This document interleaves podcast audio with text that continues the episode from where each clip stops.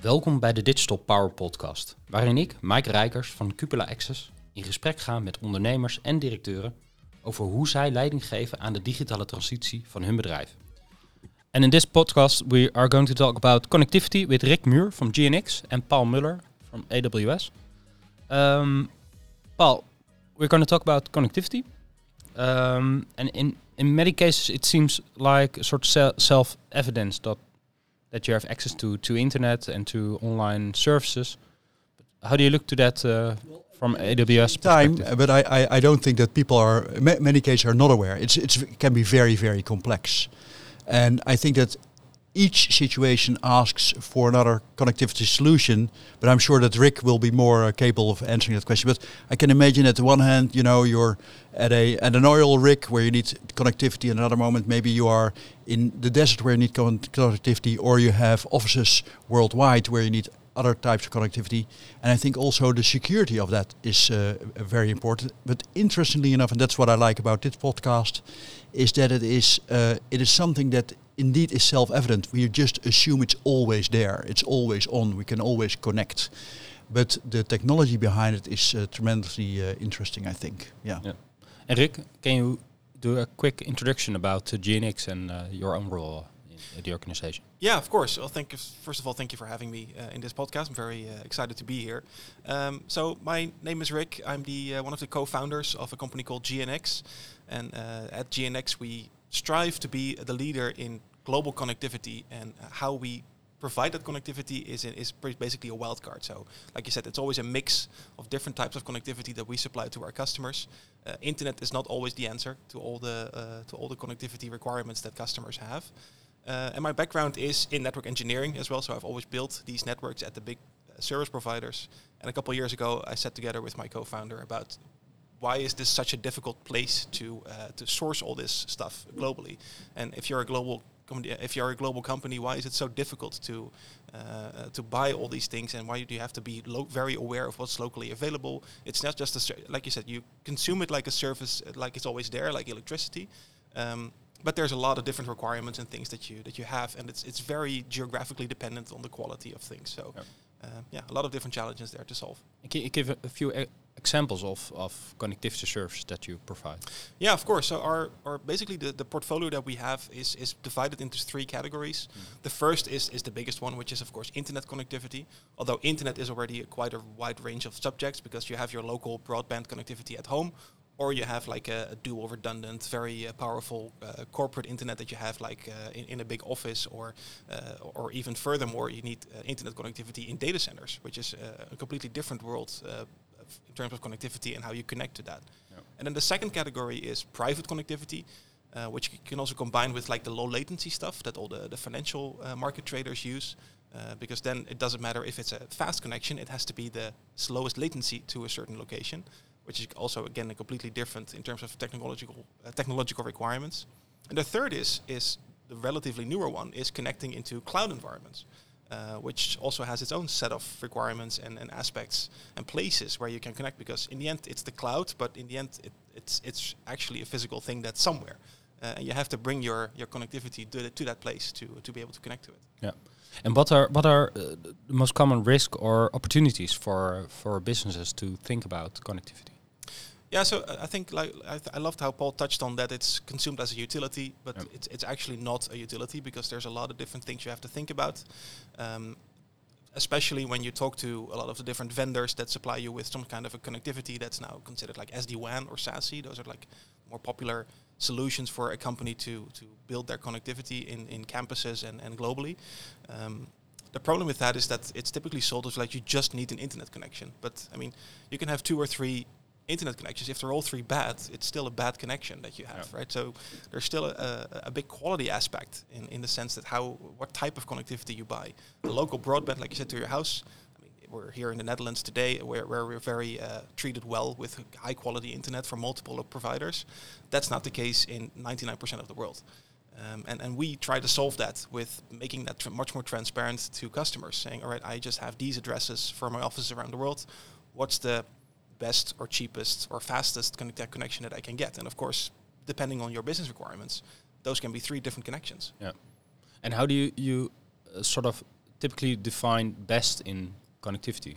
Yeah, like I said, that depends on your on your business requirements, yeah. right? So if you want, if you have, uh, if you're a, a, video producer and you have a lot of high high volume, high uh, big big files that you need to work with, then you need a lot of bandwidth and you need a lot of things to, to work with. If you're a financial trader, then only the shortest path to get somewhere is the most important, and how big that connection, that big that yeah. pipe is, nobody cares, uh, or a little bit they care about. Um, and the third aspect can be if you're a, if you're a retailer and you need to open up a store next week, you need that connection to be there fast. So you need probably by next week you need a connection, and I cannot wait for that premium connection that takes 12 weeks to uh, to dig uh, fiber in the ground for. Um, so it, it really depends, and and that's initially we wanted to build a website where people could select like do you want the cheap, fast, or good, and then pick one of the three because it can never be all three. Um, but we've narrowed that down to a, a much more algorithmic approach to uh, assessing the different kinds of quality aspects that a, a, provider can can deliver you. So high bandwidth, low latency, fast delivery, a, a good run project, or uh, good pricing. Because in our market, the the differences between if you ask for a quote versus the actual order can be uh, majorly different. Uh, so how accurately can you price? Uh, because in the end, in our world, its availability is always hard to uh, to yeah to, to get together in the senses and even the providers don't really know where their fibers are, sometimes. And if they can actually deliver on that house number in that street or if the fiber is 100 meters away which takes a couple weeks to, to get that over. So best is a very broad term in that sense. Yeah. Okay. And and well you you've built your your own platform.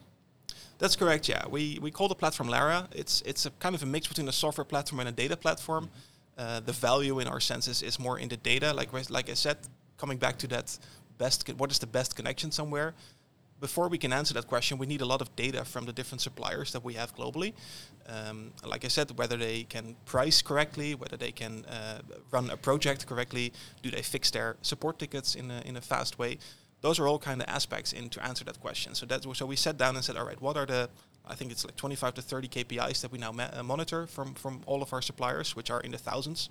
Um, and and how can we come together and how can we narrow it down to a certain score? Uh, again, that score is different when you put in different requirements in the in the search tool. So you put in your requirements saying, all right, I need at least 100 megabits at least, and I need it. Uh, the project needs to be at least within six weeks delivered. Um, and I'm, I want a contract for 36 months.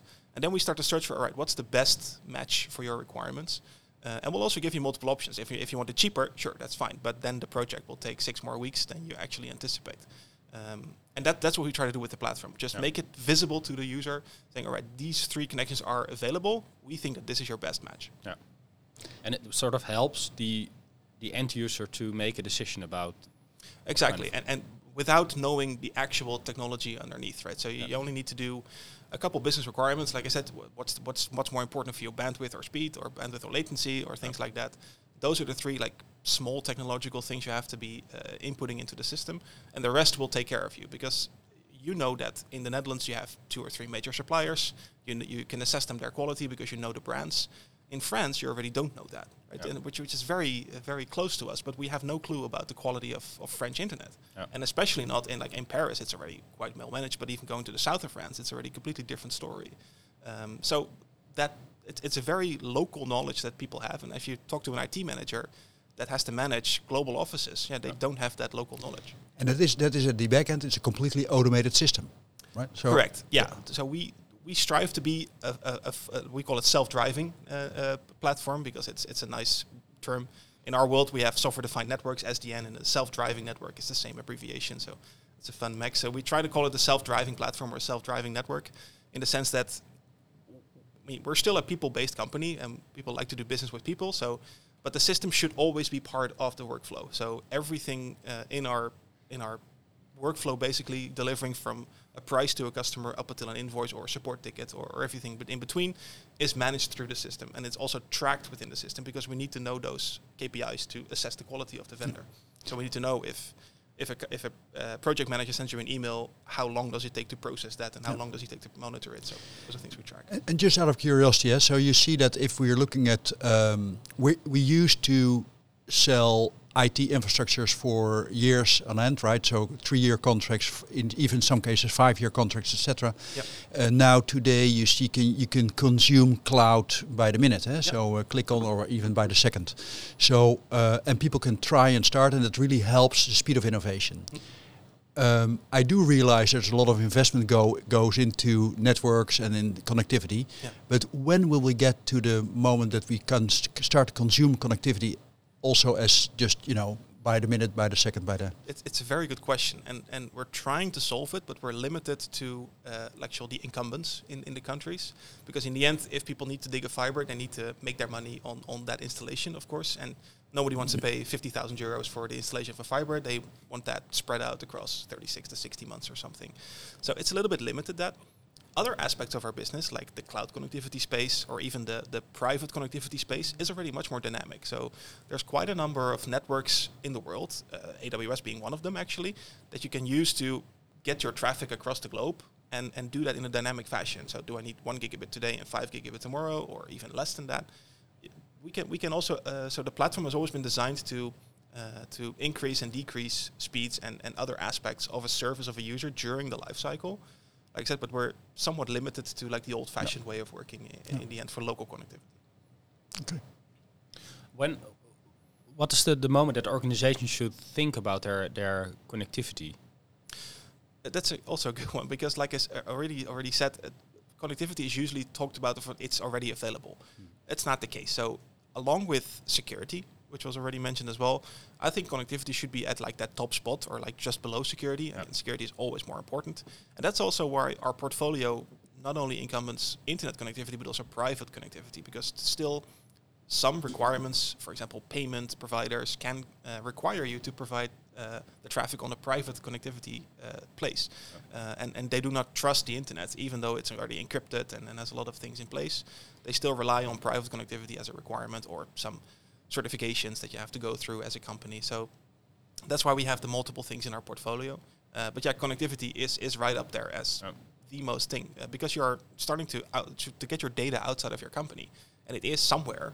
And uh, but it's like I said, it's actually in a physical location somewhere. So how do you get to that location, and what is the performance to that location is is very important for the user experience. Yeah, and just to get a little bit more of context, but what is your ideal contact person at a at a the client side?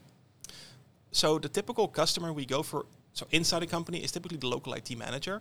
Um, it- it, really depends on the type of company. So our ideal customer is has like a, a big major office in a, in a in a certain country, and they have like a couple factories and a number of sales offices around the world. That's really a typical customer for us, because they the factories have different requirements than the offices, of course, and the offices are different in size. And then there's one guy or a couple guys in the head office in Amsterdam or Paris or Copenhagen uh, that need to manage all of that. And they lack the experience and the knowledge of local markets to assess what's the best quality that I can get because they talk to the incumbent. And, uh, and uh, every people you talk to are saying that they will deliver the best connection, of course. But who's actually the best? Yeah. There's not like a booking.com for this stuff uh, that you can go online to. Yeah. And, and can you give a, an example of a client that you you work on? Yeah, like, like I said, the, the typical customers we work for are, uh, we call them like manufacturing companies. So people that have like a couple factories for like car parts or plastics or, or whatever. Uh, and then they sell a couple of other things around the world uh, that they do locally through, through local sales uh, people. Uh, or it can be beer brewers or be, uh, you can take manufacturing in the widest sense that you can think of. And those are our, our typical customers. And another aspect is, is financial traders because they just have very specific network requirements that always has been the case, but it's still quite a good market, especially now with the crypto trading and Yep. um, the, the different type of workflows that comes with that. Because it's not a financial market that you connect to, but you connect to AWS to go into these crypto exchanges. So how do you get the fastest way into AWS? Well, I think we we know that, but yeah, that's still. Uh, And how, how does it work in a sense of that's interesting that you mentioned that because so it's it's always a direct play so it's not so much a channel. You don't go through a channel or a partner network network of partners that quote unquote resell your services. It's really Um, more of a di- direct play I understand. So it, it's a, both a direct and an indirect play. The indirect play comes more from the vendors that sell these SD-WAN and SASE uh, software solutions or overlay solutions, um, because they typically feel so. That those are typically the managed service providers that also manage the, the LAN network and the wireless LAN network of these of these companies. Uh, and and now they also get the question of delivering connectivity. Uh, in the past, you would go to like an incumbent t- telecom provider, and they would deliver everything. But now it's it's more of a mixed bag for okay, I go back to my MSP to actually also manage my connectivity, and they they don't sell those kinds of services, and also their like uh, business structure is not s- operating in the way that uh, is op- not operating in our in our model in the sense that we buy a very expensive service, make a little margin on it, and then resell it, and then that's a, a completely different uh, yeah margin structure than you have in a typical managed service provider where everything is MRR based, uh, Yep. recurring revenue based, and and yeah there's a little there's only a little purchasing element in that. Whereas for us it's the other way around. Yes. And you, see, you said that, that the latest developments is cloud connectivity. Yes. Is, is that uh, a new user case as well, or do you see all the, the more regular use cases from private connectivity Mhm. and, and the internet moving to, to cloud connectivity? Yeah, so we see, of course, companies moving more resources into a cloud environment, um, and and and that requires different things. So there- there's of course multiple ways to get into the cloud environment, whether that's through the regular internet, or through some direct connect, or or whatever type of connectivity that you can get into a cloud. There's also companies that offer these cloud connect services. Uh, for example, Equinix is a good example for where we where we partner heavily with. Uh, they have a platform between all of their data centers, and they also have their on ramps into into AWS and, and all the other clouds. Um, and we use that, let's say, toolbox for, for our customers to, uh, to to manage that connectivity then in a global sense because they may already be an Equinix customer. They may require some office c- connecting into that data center first, and then oh yeah, we also have that cloud setup that we need to connect to. Yep. So can you please arrange that? Or there's uh, political or like geographical limitations. Uh, China is a good example. Uh, the internet in China is, is somewhat limited based on political factors there, um, which means that not international connectivity is not by design basically, and, and you have to work around that. And there's multiple ways to work around that, and especially connecting resources in AWS Europe or AWS China, that's a completely different thing because there's different services available, and sometimes people require connectivity in between there, and and those are the challenges that we try to solve. And, and back to your, your platform, Lara, Mm-hmm. you're, you're trying to, to but it, it is a tool to help customers make better decisions about their connectivity. Uh, you also said that people like to do business with people. How, how much of your work is still like a people thing? Yeah, that's a, a good point. So initially, when we designed the platform, it, it was supposed to be, like I said, Booking.com, right? You go online, type in your address, order the connection, you're done with it. Yeah. Um, because we're tracking all these KPIs from different vendors, also on the project management side and on the operational side, um, there's still a lot of people involved in that. So we can, of course, automatically email the project managers and keep reminding them and stuff, but there always needs to be some human touch also to work with either our customers or our or our vendors. So what we do is we try to set up like kind of the, th- things like templates and, and try to do everything as automated as possible, but always try to add a little human touch uh, because we just see that it's very well received with our customers. Uh, and it also helps accelerating uh, in, in some ways and forms. Uh, and there's always a help. So if you go online onto the platform, there's always uh, a button there to talk to an expert that can help you with uh, your, your requirements. But even asking just the bandwidth on a certain location, not all IT managers or people at customers know the answer to that question, and and then we need some a little bit of a pre-sales engagement to uh, to work with that. But if we're just selling one or two connections, we cannot burn an expensive consultant on Yeah. uh, going to a customer, traveling there, being there for two hours, and then leave again. That's that we're never gonna uh, win that money back. So we we try to make that a little bit of a hybrid. Um, we try to stay away for now from AI chatbots for that sense because we do feel that if people have a question, they just want a clear answer. So we try to engage that in just a video call or, or a chat with a live with a live person. Yeah. And we see that engaging quite well with customers. Yeah.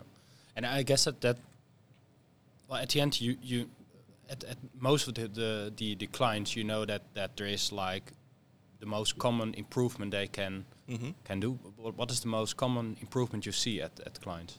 So the most common thing I th- see people forget about is is is the the latency to get somewhere, right? So the time it takes for one packet to reach the destination. Yeah. A lot of people don't know their traffic flows in a network, which have changed tremendously with use of cloud, with the use of SaaS services like Salesforce or e- or uh, uh, Microsoft email or whatever. Your your traffic flows in your network are completely different than they were from 10 years ago. There's a lot of video conferencing going out, so. Um, not just looking at bandwidth at a site because that's the typical question you get. Also as a consumer how much speed do you want? Well it doesn't the speed doesn't really matter if the quality is bad right? And that that latency is a very important factor in there. So that's what we always try to monitor. It's also why we have a big monitoring platform globally spread out. So we monitor all of our connections. We try to signal differences when we see things change because the internet is always dynamic in Yeah. nature. Um, and that's what we try to inform customers proactively about, saying, hey, maybe you can expect a little bit worse video conferencing latency because we see the traffic to Zoom being impacted by your provider. We're going to open a ticket, but please be aware. And those are things we can we can improve the lives of our of our customers much better. Yeah. What what's what are the, the newest developments you see see coming the coming years? So newest developments will definitely be more focused on internet. So in the past, people will build these big private networks, Yeah. big connections to a headquarters, and then people going everything going through that headquarters, also even going to the internet uh, through that headquarter from the local offices Yeah. and stuff. That's going away completely. That's already being a trend that's being set in st- set in, in since 2015, 16 maybe, um, and we're going to see that more and more because now the bigger companies are starting to do that. Yeah. So this is this is really an, uh, a twist point in the in the market where. Uh, so if you look at revenues from the big telcos, for example, their private connectivity business and their public connectivity were always a bit equal. Yeah. We're going to see a slight, uh, pretty much a decline in the private connectivity, moving more towards high quality internet. And is there then uh, the, uh, bigger bigger demand on on security services? Yes, definitely, because indeed the internet is unsecure by design. Uh, so security is definitely a big a big topic there. We don't really play in that field, other than that we can people that we can recommend people to do some things, Yeah. Or like I said, if there's a private connection needed for some certification, security certification requirement. Would you would you expect to start to play a role in the security field in the future? Because it would be a, qu- a quite easy add-on to your business, I would I would assume. Um, I don't think we will because our, our indirect channels are typically companies that will answer that security question. Yeah. So I don't want to. Uh, I, I, I, I do want to keep a very clear focus on the connectivity space in that sense. We already have a lot of challenges there that we try to solve for people there. And I think it's a very nice value add if we go with a local reseller of security services to a company to answer that connectivity space because a lot of people answer the security question, not a lot of people answer the connectivity question. Yeah, true, very true. Okay, guys, I think this is the mo- moment to to end the podcast. But thanks for the uh, for coming at the show, Rick. Thank you very Have much. a nice day at the uh, the AWS Summit. I will. Thank you. Thanks. Bedankt voor het luisteren naar de Digital Power Podcast. De Smart Business Series zijn powered bij Amazon Web Services, Cloud Nation en Luminous. Je leest meer op cupulaaccess.nl slash digitalpower.